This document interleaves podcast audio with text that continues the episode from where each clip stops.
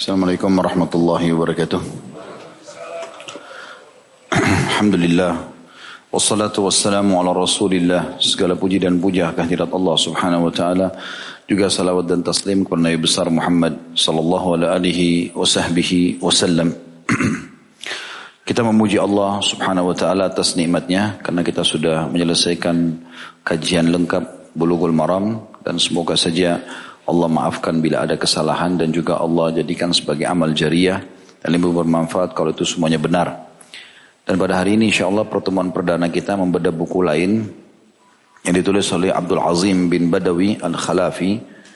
Ini 40 karakteristik mereka yang dicintai oleh Allah berdasarkan Al-Quran dan Sunnah. dan seperti biasa, saya selalu sarankan kalau membedah buku seperti ini, alangkah baiknya memang kalau ada pemandunya sehingga bisa lebih dipaparkan panjang lebar karena biasanya orang jenuh kalau membaca buku tebal maka dengan dibedah insya Allah jauh lebih besar manfaatnya kemudian setiap belah atau beli buku yang pertama dilihat daftar isi dulu karena daftar isi itu adalah ringkasan dari apa yang ada di dalam Sehingga pada saat teman-teman baca daftar isi, mana kira-kira yang paling mengkritik judulnya, itu yang dimulai baca. Dan insya Allah dari situ nanti secara otomatis akan kita selesaikan bukunya. Itu pada saat baca sendiri tentunya. Tapi kalau dibaca seperti ini, maka juga alangkah baiknya dibaca daftar isi, tapi tidak jadi patokan untuk harus dimulai dari judul yang disukai. Karena beda buku harus mulai dari awal. Setelah ada pengantar penulis, ada daftar isi, ada mukaddimah, maka kita Nanti akan membahas pada hari ini beberapa judul dari halaman 1 sampai 12 insya Allah. Para kekasih Allah itu siapa? Kedudukan cinta. Cinta Allah terhadap hambanya adalah karunia. Dan cinta hamba terhadap Robnya adalah nikmat. Kemudian cinta Allah terhadap hambanya adalah salah satu sifatnya yang wajib adanya. Dan wajib diimani tanpa permisalan, pengingkaran, pemelincengan dan juga tanpa menanyakan cara dan bentuknya pengaruh-pengaruh cinta, buah-buah cinta. Cinta kepada Allah adalah fardu ain atau kewajiban secara individu. Sebab-sebab yang mendatangkan cinta hamba terhadap Robnya dan juga tanda-tanda kejujuran cinta kepada Allah. Ini semua akan insya Allah kita coba bahas pada pertemuan kita sekarang. Dan pertemuan akan datang kita akan masuk ke golongan pertama yang Allah cintai secara global adalah orang-orang yang bertaubat. Di bawahnya banyak subjudul yang akan dibahas insya Allah. Golongan kedua adalah orang-orang yang mensucikan diri. Golongan yang ketiga orang-orang yang berbuat kebaikan. Juga semua ini ada sub-sub judulnya tentunya. Kemudian golongan keempat orang-orang yang mengikuti syariat. Juga ada subjudulnya. Golongan kelima orang-orang yang sabar. golongan-golongan keenam orang-orang yang bertakwa. Golongan ketujuh orang-orang yang bertawakal. Apa saja itu, eh, apa makna tawakal dan juga siapa saja mereka. Golongan kedelapan orang-orang yang berlaku adil atau qasid atau muksid ya. Kemudian golongan kesembilan adalah orang-orang yang berjihad di jalan Allah. Golongan ke sepuluh orang-orang yang senang membaca Qul huwallahu ahad secara khusus surah ini. Kemudian golongan ke sebelas orang-orang yang hanya bersumpah atas nama Allah. Golongan ke dua belas orang mukmin yang kuat. Kemudian golongan ke tiga belas orang-orang yang senantiasa melaksanakan amalan sunnah dan juga nafilah tambahan. Ke-14, golongan ke-14 orang-orang yang zuhud. Nanti dijelaskan apa itu makna zuhud dan perkataan para ulama salaf. Kemudian dalil-dalilnya dan seterusnya. Golongan ke-15 orang yang paling bermanfaat bagi manusia yang lain. Ini juga ada subjudulnya. Golongan ke-16 pemilik kelembutan atau orang yang suka dengan lemah lembut. Golongan ke-17 orang-orang yang berbakti terhadap ibu bapaknya. Golongan ke-18 orang-orang yang saling mencintai karena Allah. Golongan ke-19 orang-orang yang mencintai para sahabat Rasulullah sallallahu alaihi wasallam. Golongan ke-20 orang-orang yang selalu berdermah dan murah hati. Ke-21 golongan ke-21 orang-orang yang memiliki rasa malu dan yang menutupi aib-aib orang lain. Golongan ke-22 orang-orang yang sabar dan konsisten istiqomah. Golongan ke-23 orang-orang yang jujur dan amanah. Golongan ke-24 orang-orang yang rendah hati. Golongan ke-25 orang-orang yang suka berpenampilan rapi dan bersih. Golongan ke-26 orang-orang yang menangis karena takut kepada Allah. Golongan ke-27 orang-orang yang hanya berbicara dengan ucapan yang mengandung zikir kepada Allah dan berdiam tidak membicarakan yang lainnya. Golongan ke-28 orang-orang yang beriman. Golongan ke-29 orang-orang yang menjaga silaturahim dengan arham mereka. Arham jamak daripada rahim. Artinya orang yang tidak boleh dinikahi. Golongan ke-30 orang-orang yang suka melaksanakan amar ma'ruf dan nahi mungkar. Suka menyuruh pada kebaikan dan melarang kemungkaran. Golongan ke-31 orang-orang yang mengerjakan keringanan dari Allah. Setiap kali Allah kasih dia rukhsah atau keringanan dia menerimanya. Dengan tidak menganggap remeh tentunya kadar pahala nanti ada bahasan juga. Golongan ke-32 orang-orang yang suka memaafkan. Kemudian golongan ke-33 orang yang tetap melaksanakan sholat. Kemudian golongan ke-34 orang-orang yang paling berakhlak baik atau orang yang berakhlak baik. Golongan ke-35 orang-orang yang memberi kemudahan kepada orang lain. Nanti ada rinciannya tentu dan dalil-dalilnya, contoh-contohnya. Golongan ke-36 orang-orang yang jujur lagi benar atau as-sadiqin. Golongan ke-37 orang-orang yang mengadakan perdamaian antara manusia. Golongan ke-38 orang-orang yang beribadah pada 10 hari pertama bulan Zulhijjah. Golongan ke-39 orang-orang yang berilmu, para ulama, para da'i. Dan golongan ke-40 orang-orang yang mati dalam keadaan zikir kepada Allah. Ini kurang lebih 40 karakter yang disebutkan oleh penulis yang akan dirincikan tentu oleh beliau. Ya. Dalam mukaddimah kita akan mulai bismillah. Mukaddimah ini para kekasih Allah. Tentu teman-teman begini memahaminya. Saya yakin kita sudah pernah mencintai orang. Itu tidak asing. Seperti apa gambarannya? Sulit kita menggambarkan. Tapi ada kecenderungan. Ada perhatian ekstra. Ada kehati-hatian untuk supaya tidak menyakiti hatinya. Gitu kan? Atau menjaga sikap. Itu semua bagian daripada cinta itu sendiri. Tapi makna cinta umumnya, kalau di alam manusia, loyalitas. Kapan orang itu loyal, selalu mendahulukan orang yang dia cintai dalam segala hal, selama itu kebaikan, maka dikatakan dia mencintainya. Jadi nggak benar kalau suami istri mengatakan, saya cintai kamu atau saya mencintai kamu atau sebaliknya suami bilang sama istri istri bilang sama suaminya kemudian pada saat bangkrut suaminya ditinggal atau pada saat sakit ditinggal atau pada saat istrinya lagi sudah tua misalnya sudah ditinggal atau apa saja lah yang kira-kira bukan ada udur syari'inya, maka berarti tidak ada cinta di situ. Karena butuh loyalitas, pengorbanan. Kalau kita hubungkan dengan Allah subhanahu wa ta'ala, berarti kita loyal dengan Allah subhanahu wa ta'ala. Tapi kalau dari Allah subhanahu wa ta'ala, Allah bukan masalah loyalitas, tapi Allah subhanahu wa ta'ala akan menaungi dan memberikan karuniahnya kepada hamba tersebut. Rasionalnya, kalau misalnya ada orang mencintai kita, saya yakin orang yang mencintai itu akan berusaha berkorban apa saja.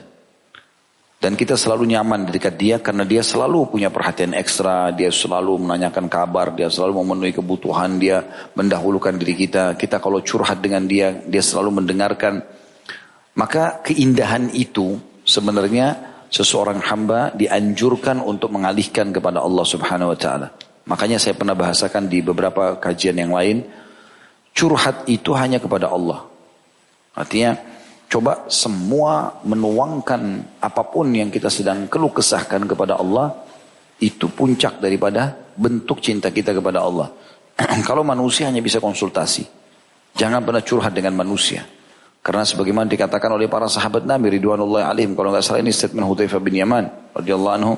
Yang beliau mengatakan jangan kau berkul kesah sama manusia. Karena manusia cuma dua keadaan. Kalau dia dia bisa teman atau lawan. Kalau dia teman maka kau akan menambah susah dia karena dia memikirkan permasalahanmu. Kalau dia lawan, dia akan gembira dengan kesedihanmu. Misalnya antum punya masalah, antum cerita sama orang tua. Orang tua kita pasti memikirkan itu jadi beban pikiran bagi dia. Maka ini berarti menambah beban buat dia. Semestinya nggak usah diceritakan.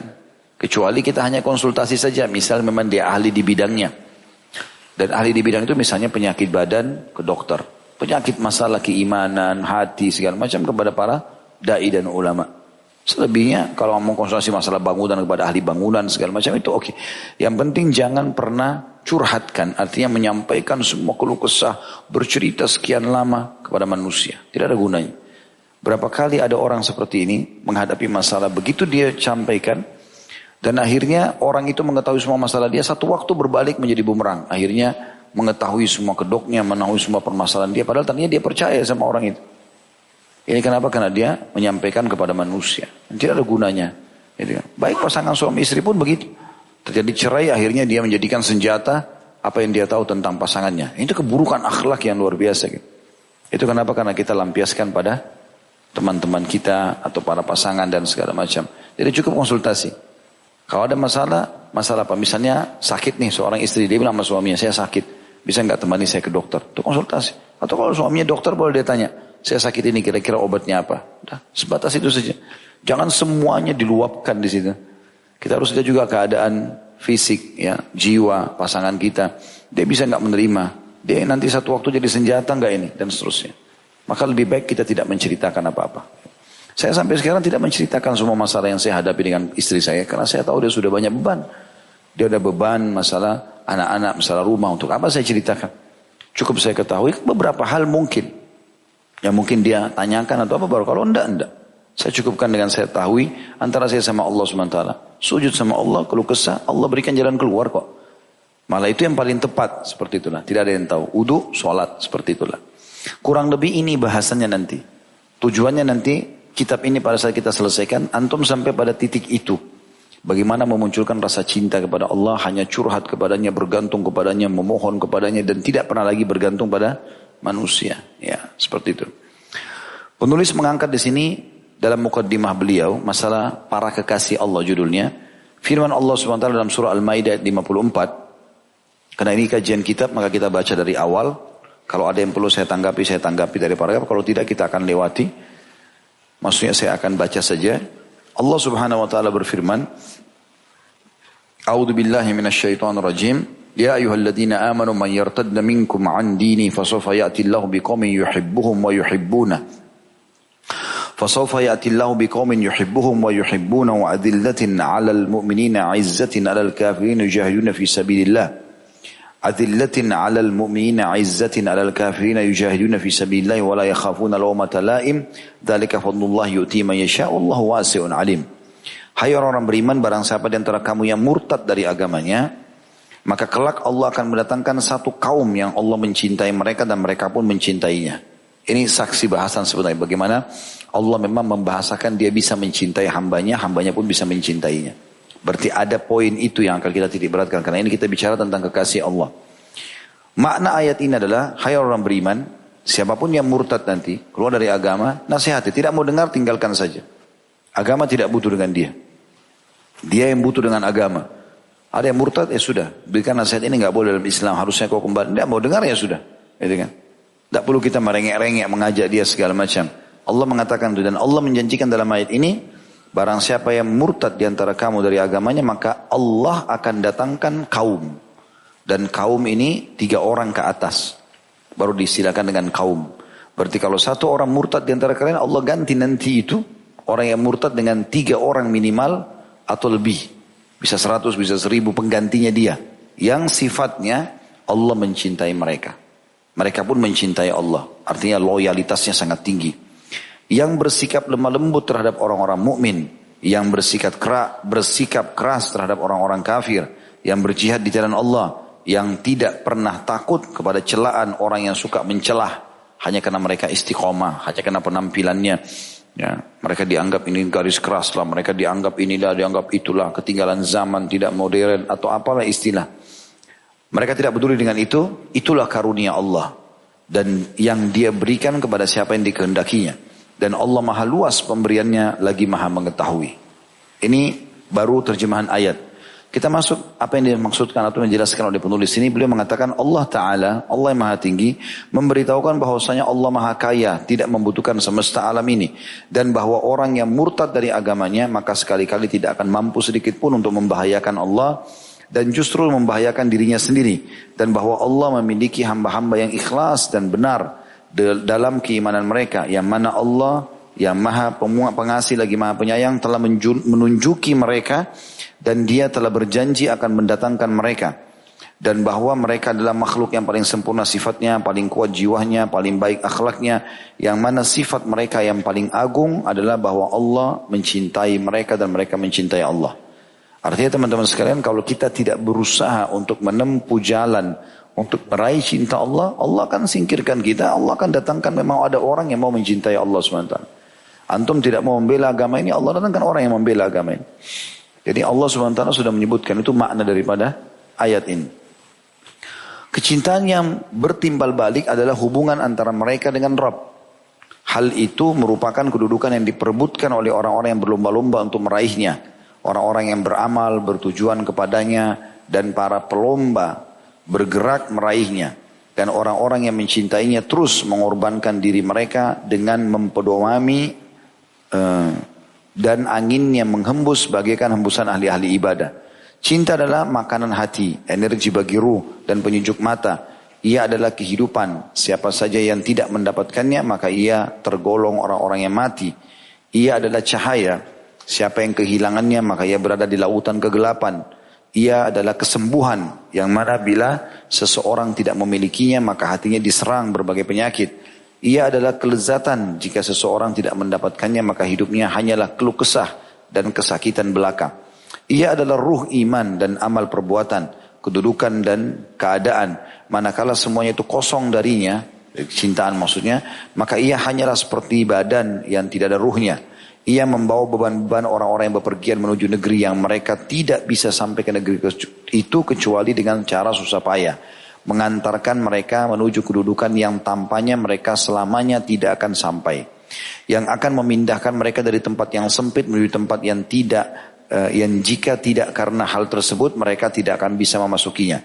Ini adalah terminal akhir suatu kaum yang perjalanan mereka selalu kepada sang kekasih besar semua, esnya besar sang Berarti Allah kekasihkannya besar juga Allah. Yaitu jalan mereka yang mengantarkan mereka kepada derajat utama dalam waktu dekat. Kurang lebih apa yang dimaksud dalam paragraf ini adalah seseorang harusnya meraih, mencoba meraih cinta Allah SWT dengan cara memahami kedudukan Allah itu sendiri. Allah sebagai pencipta langit dan bumi. Siapa pun di depan kita, istri, suami, teman, siapa saja yang dekat sama kita atau musuh kita, semua itu adalah makhluknya Allah SWT. Kalau kita ingin kebaikan dari orang yang kita cintai, minta kepada Allah, Allah bisa menggerakkan dia. Kalau kita ingin diselamatkan dan dimenangkan dari musuh kita, minta kepada Allah, Allah akan berikan kepada kita. Gak ada sesuatu yang bisa menghalangi antara kita dengan target. Ya, kalau orang dekat dengan Allah Subhanahu Wa Taala dan sebaliknya yang beliau maksudkan, kalau orang jauh dari Allah Subhanahu Wa Taala maka jauh dari semua targetnya. Ada orang kadang-kadang sering saya bahasakan itu menjadikan Allah itu nomor kesekian. Nanti kalau sudah betul-betul darurat, baru dia minta kepada Allah SWT. Kalau tidak, maka dia tidak minta kepada Allah. Dia masih terus bergantung pada makhluk atau manusia. Dan ini yang menjauhkan dia kepada atau dari Allah Subhanahu Wa Taala. Cinta Allah kepada seorang hamba dari hamba-hambanya adalah perkara yang mana niatnya tidak dapat diukur kecuali oleh orang yang mengerti akan Allah Ta'ala beserta sifat-sifatnya sebagaimana Allah menyandangkan sifat bagi dirinya. Kalau tidak demikian maka orang yang mendapatkan wujudnya sifat-sifat ini dalam indera, jiwa, perasaan dan kejadiannya pasti tidak akan bisa mengukur hakikat pembenaran ini melainkan orang melalui hakikat siapa zat pemberi yang memberi siapa yang mengerti siapa Allah, siapa yang membuat alam besar ini, pembuat manusia yang menganggap kecil alam ini dan ia merupakan kejahatan kecil, tidak mengetahui zat yang memiliki keagungan, kekuatan, kekuasaan keesaan dan kerajaannya dan sebagainya.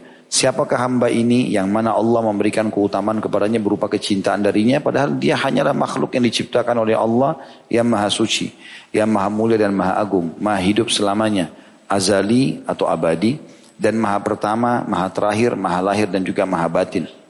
Artinya seseorang harusnya memahami, menanamkan dalam jiwanya tentang kebesaran Allah SWT. Sekali lagi, alam semesta ini dengan semua yang ada di sana apa yang di atas bumi ini dan semua apa yang ada di atasnya. Apa yang ada di dalam lautan dan di atas daratan atau dalam bumi ini semuanya terjangkau tidak jangkau adalah milik Allah. Kalau seseorang sudah meraih ya, cinta sang pencipta yang memiliki semua ini, maka apa saja yang dia minta dia akan dapat. Allah subhanahu wa ta'ala akan memberikan kepada dia segala macam hal yang dia inginkan. Maka seseorang hamba harus berusaha untuk meraih itu. Ada hal yang beliau singgung di sini mengatakan dalam mukaddimahnya, ada banyak orang melakukan kejahatan kecil, dia anggap itu kecil padahal sebenarnya besar dengan cara tidak mau mengenal Tuhannya. Sehingga selalu saja tidak pernah mau berhubungan sama Allah SWT. Kalau dalam ibadah pun mereka tergesa-gesa dalam melakukan. Atau apa adanya saja. Yang penting sudah sholat, yang penting sudah ibadah, yang penting sudah sedekah, yang penting sudah pernah melakukan. Ini semua kekeliruan. Dan ini yang dimaksud dalam paragraf yang baru saja disampaikan oleh penulis. Nanti sebentar habis ini ada dalil-dalil yang disebutkan ya. Ini masih mukaddimah pembahasan beliau. Sedangkan cinta seorang hamba terhadap Robnya adalah nikmat bagi hamba tersebut yang juga tidak akan bisa diketahui kecuali oleh orang yang merasakannya.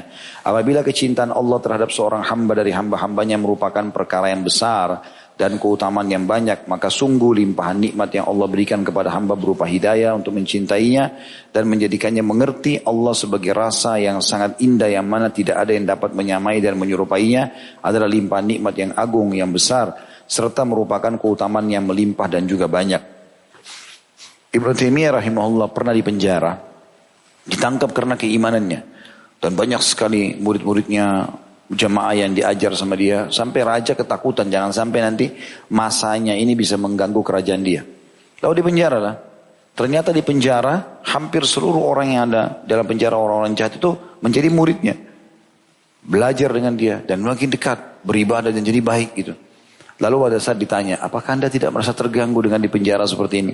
Terkekang di sebuah ruangan, tidak bisa menghirup udara di luar, jauh dari keluarga.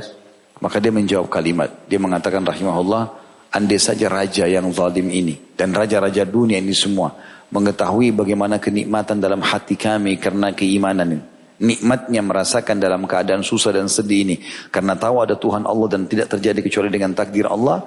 Maka mereka akan membelah dada-dada kami lalu mengambilnya dengan cara paksa. Tapi mereka tidak mengerti itu.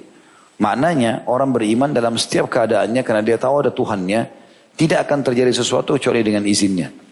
Maka itu apakah baik di depan mata dia atau buruk di mata dia, semuanya diterima. Semuanya diterima. Tidak ada sesuatu yang berat bagi dia. Saya pernah menceritakan kalau tidak salah kisah seorang sahabat Nabi. Itu dua kakinya puntung, dua tangannya puntung, matanya buta. Diceritakan bahwasanya beliau rahimahullah radhiyallahu anhu di sebuah kemah di padang pasir Ya. Kemudian orang ini dijaga oleh anaknya. Duduk di atas tempat tidur, eh, terbaring, tidak bisa bergerak apa-apa karena tangan kakinya puntung dan juga matanya buta. Maka datanglah seseorang musafir lewat di kemah itu, lalu kemudian dia ingin cari sesuatu minuman ya, yang dia bisa hilangkan hausnya. Jadi dia masuk dia lihat pemandangan itu lalu dia mengatakan setelah salam dijawab oleh sahabat Nabi ini, Waalaikumsalam. Kemudian dia mengatakan, saya seorang musafir, haus, butuh air. Bisa saya minta air? Kata orang itu, sahabat Nabi ini sebenarnya. Dia tidak tahu kalau ini sahabat. Lalu kemudian dia mengatakan, kayak seperti kamu lihat, saya buta. Saya nggak bisa melihat tangan kaki saya puntung, saya nggak bisa membantu. Kalau ada air di sekitar kemah ini, ambillah. Kemudian setelah orang itu dapatkan ada gendi air, dia minum. Lalu dia, lalu sahabat Nabi ini yang sedang buta ini mengatakan, Coba bantu saya, cari ada seorang anak laki-laki saya. Dia selalu hikmah dengan saya setiap hari dan lagi tidak ada di sini. Mungkin dia ada di sekitar kemah ini, coba cari. Kata orang ini baiklah, saya akan coba cari. Kebetulan orang ini juga orang beriman. Allah SWT seakan-akan datangkan dia di situ. Kemudian dia keluar dari kemah, dia cek di sekitar kemah, dia temukan ada satu jasad manusia sudah habis sebagian besar badannya dimakan oleh singa. Lagi digrogotin sama singa, sudah mati. Kata dia saya sangat yakin ini anaknya. Tidak ada orang lain soalnya. Pasti ini anaknya orang ini. Bagaimana caranya saya membahasakan pada orang ini? Sudah buta matanya, kaki tangannya puntung. Bagaimana caranya membahasakan ke dia? Bisa dia terima atau enggak? Terus berkecamuk di benaknya sampai dia bilang, sudah saya tawakal Allah. Coba masuk bicara. Saya dia masuk lalu dia mengatakan, wahai bapak tua, apakah anda tahu kisah Nabi Ayub alaihissalam? Kata orang itu tentu saja. Tentu ini sahabat Nabi ya, terakhir nanti boleh dia tahu. Tentu saja. Bukankah dia sudah diuji oleh Allah 20 tahun kena penyakit kusta dan orang semua menjauhinya? Kata orang itu, sahabat itu, iya. Bukankah 12 anak laki-lakinya semuanya keruntuhan bangunan dan mati tiba-tiba dalam sehari? Iya. Bukankah semua hewan ternaknya, pertanian, perkebunannya semua kena hama, sehari langsung habis semuanya? Kata dia, iya. Lalu bagaimana Ayub? Kata orang ini. Sahabat Nabi ini mengatakan, dia bersabar. Karena dia tahu itu adalah pahalanya. Kata orang ini kesempatan saya bahasakan. Bersabarlah. Karena saya menemukan jasad anak anda dimakan oleh singa. Mati. Tiba-tiba kata orang ini saya kaget. Orang ini mengatakan Alhamdulillah. Kata anak muda yang datang yang mengatakan bagaimana bisa anak anda mati anda mengatakan Alhamdulillah. Dia bilang Alhamdulillah. Karena memang Allah telah memudahkan dia berkhidmat dengan saya sekian tahun. Dan baru saja berapa hari Allah ambil. Tapi kan anda buta. Tidak ada yang bisa berkhidmah. Dia mengatakan Alhamdulillah. Nikmat Allah yang terbesar yang saya tidak bisa lupakan. Lisan saya masih bisa berzikir. Walaupun tangan saya puntung, kaki saya puntung, kemudian mata saya buta. Kata anak muda ini, saya belum pernah menemukan ada orang seperti ini. Lalu tiba-tiba dia syahadat, asyhadu an la ilaha illallah wa anna Muhammad Rasulullah meninggal dunia. Dia bilang, saya cek, mati. Tutup dengan selimut, lalu saya coba keluar dari kemah teriak-teriak, tolong ada orang meninggal. Nah ini di padang pasir. Ada empat orang penunggang kuda lewat dari jauh, jalan. Kemudian mendekati kemah dengan pakaian-pakaian seperti orang-orang kerajaan, seperti pejabat-pejabat pemerintah gitu. Tapi sama dulu menunggangi kuda. Kemudian dia tahan, waktu ditahan mampir. Kenapa kamu? Kata mereka berempat, ada orang buta di sini, kakinya puntung, tangannya puntung, anaknya mati dimakan singa, meninggal dunia. Tolong bantu saya kuburkan. Mereka berempat turun. Begitu mereka masuk dalam kemah, dibuka selimutnya, keempat-empatnya menangis, menciumi jenazah itu. Anak muda ini kaget. Ada apa? Siapa orang ini? Siapa kalian ini? Maka mereka berempat mengatakan, kau tidak kenal orang ini? Kata dia tidak. Dia bilang kami adalah petugas kerajaan, ya, khilafah pada saat itu. Dan ini adalah salah satu sahabat Nabi yang tertinggal masih hidup. Dia sudah lama dicari oleh khalifah untuk dijadikan sebagai hakim. Tapi dia berusaha melarikan diri sampai kami temukan sekarang dia, tapi dalam bentuk jenazah. Andai saja dia masih hidup, maka kami akan membawanya untuk menjadi hakim di pengadilan kerajaan Islam ini. Gitu. Maka kita ambil pelajaran teman-teman. Bagaimana orang ini, kalau orang sudah tanam dalam cinta dalam dirinya kepada Allah SWT, cobaan seperti ini pun jadi kecil buat dia. Tidak terlalu berat, bisa dilewati. Saya juga pernah bercerita seseorang yang bernama Abdullah. Tapi ini kisah klasik lama dulu saya pernah sampaikan di awal-awal pengajian. Uh, ada satu orang bernama Abdullah di Irak. Dia tinggal di kemah di padang pasir. Kemudian orang ini lagi makan siang di kemahnya. Lalu tiba-tiba ada seseorang menunggangi kuda dari jarak jauh dengan kecepatan tinggi, berdebunya berterbangan.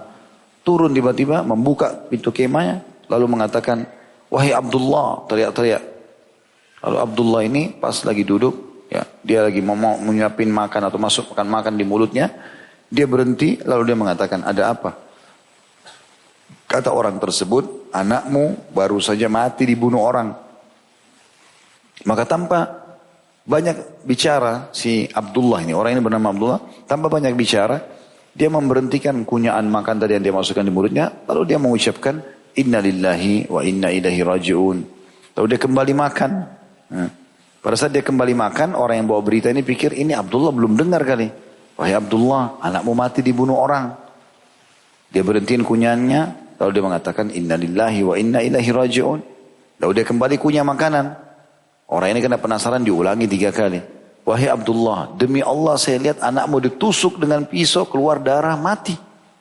Ada lagi lebih jelas daripada penjelasan itu.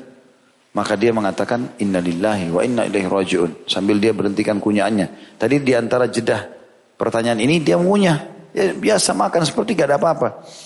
Maka dia berhenti kunyahan yang ketiga lalu dia mengatakan inna lillahi rajiun. Orang ini penasaran. Wahai Abdullah jelaskan kepada saya. Bagaimana kau tidak panik dengan kematian anakmu? Maka Abdullah mengatakan duduklah. Dia masih bisa suruh duduk orang ini dengan tenang lalu dia mengatakan duduklah. Kami ini kaum yang beriman kepada Allah. Kami yakin ada Tuhan kami. Dan Allah sudah menentukan semua sesuai dengan takdirnya. Dan pasti keputusannya penuh dengan keadilan dan kebaikan. Maka ketahuilah. Anak saya mati. Memang sudah dasarnya ajalnya yang Allah tentukan. Baik ditusuk oleh orang itu. Atau nggak ditusuk. Artinya saya marah, nggak marah, pasti dia mati di saat itu. Kasus proses ditusuk itu hanya penyebab saja. Tapi dasarnya dia harus mati di waktu itu. Lalu untuk apa saya marah? Kalau saya marah berarti saya tolak keputusan Allah SWT.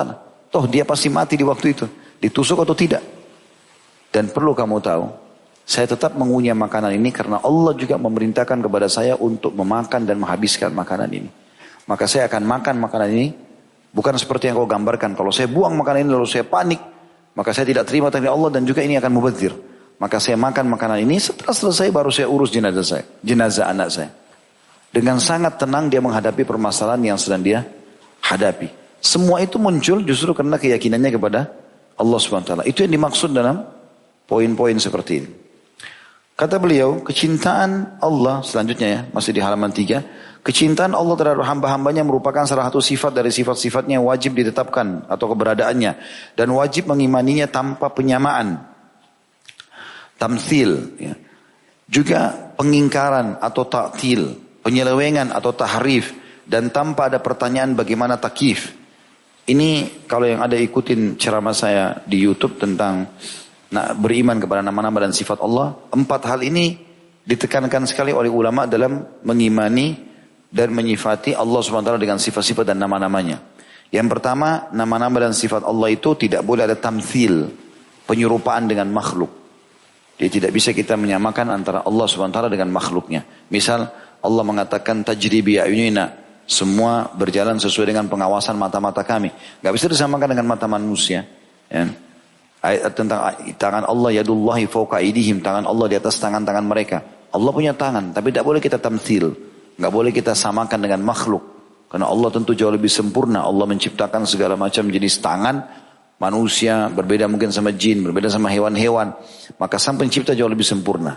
Salah satu hal yang harus ditekankan dalam sifat Allah tidak boleh ada tamthil menyerupakannya. Kemudian ta'til menolak. Karena nggak masuk akalnya ditolak Dialih-alihkan makna. Allah turun di sepertiga malam. Ah kayaknya bukan Allah yang turun tuh. Turun rahmatnya. Gimana caranya? Nabi SAW mengatakan Allah turun. Kalau tertinggal sepertiga malam di langit bumi. Bagaimana ya kita tidak tahu. Tapi kita yakini Allah turun. Karena Allah bertanya setelah itu. Ada nggak orang yang meminta ampun maka saya ampun. Ada yang punya hajat saya penuhi. Ada yang minta tolong saya tolong. Berarti kan Allah turun ke bumi kemudian bertanya. Dengan kemahasempurnaannya. Maka kita tidak mentaktil, tidak menolak itu. Tidak ada juga tahrif, mengalihkan makna. Dan juga tidak boleh ada takif, menanyakan bagaimananya. Semua itu berdasarkan firman Allah SWT dalam surah Ash-Shura ayat 11. A'udhu billahi minasyaitonirrajim laisa kamitsli syai'un wa huwas basir. Tidak ada sesuatu pun yang serupa dengan dia, dia besar Allah dan dialah yang Maha mendengar lagi Maha melihat. Al-Quran dan As-Sunnah Syarat menyebutkan siapa saja yang Allah cintai dari hamba-hambanya yang beriman dan menyebutkan pula apa saja yang Allah cintai dari perbuatan, perkataan dan akhlak mereka. Dalam Al-Quran disebutkan misal contoh Al-Baqarah 222 A'udzu billahi minasyaitonir rajim innallaha yuhibbut tawwabina wa yuhibbul mutatahhirin. Sesungguhnya Allah menyukai orang-orang yang bertaubat. Ini ada bahasa nanti sendiri bagaimana ciri orang bertobat, kisah-kisah nyata tentang berhubungan dengan masalah itu di pasal-pasalnya sendiri nanti insya Allah. Kemudian dan menyukai orang-orang yang suka mensucikan diri. Maksudnya orang yang bersih, suka dengan kerapian, kebersihan. Makanya nanti ada salah satu pasal tadi yang sudah kita sebutkan.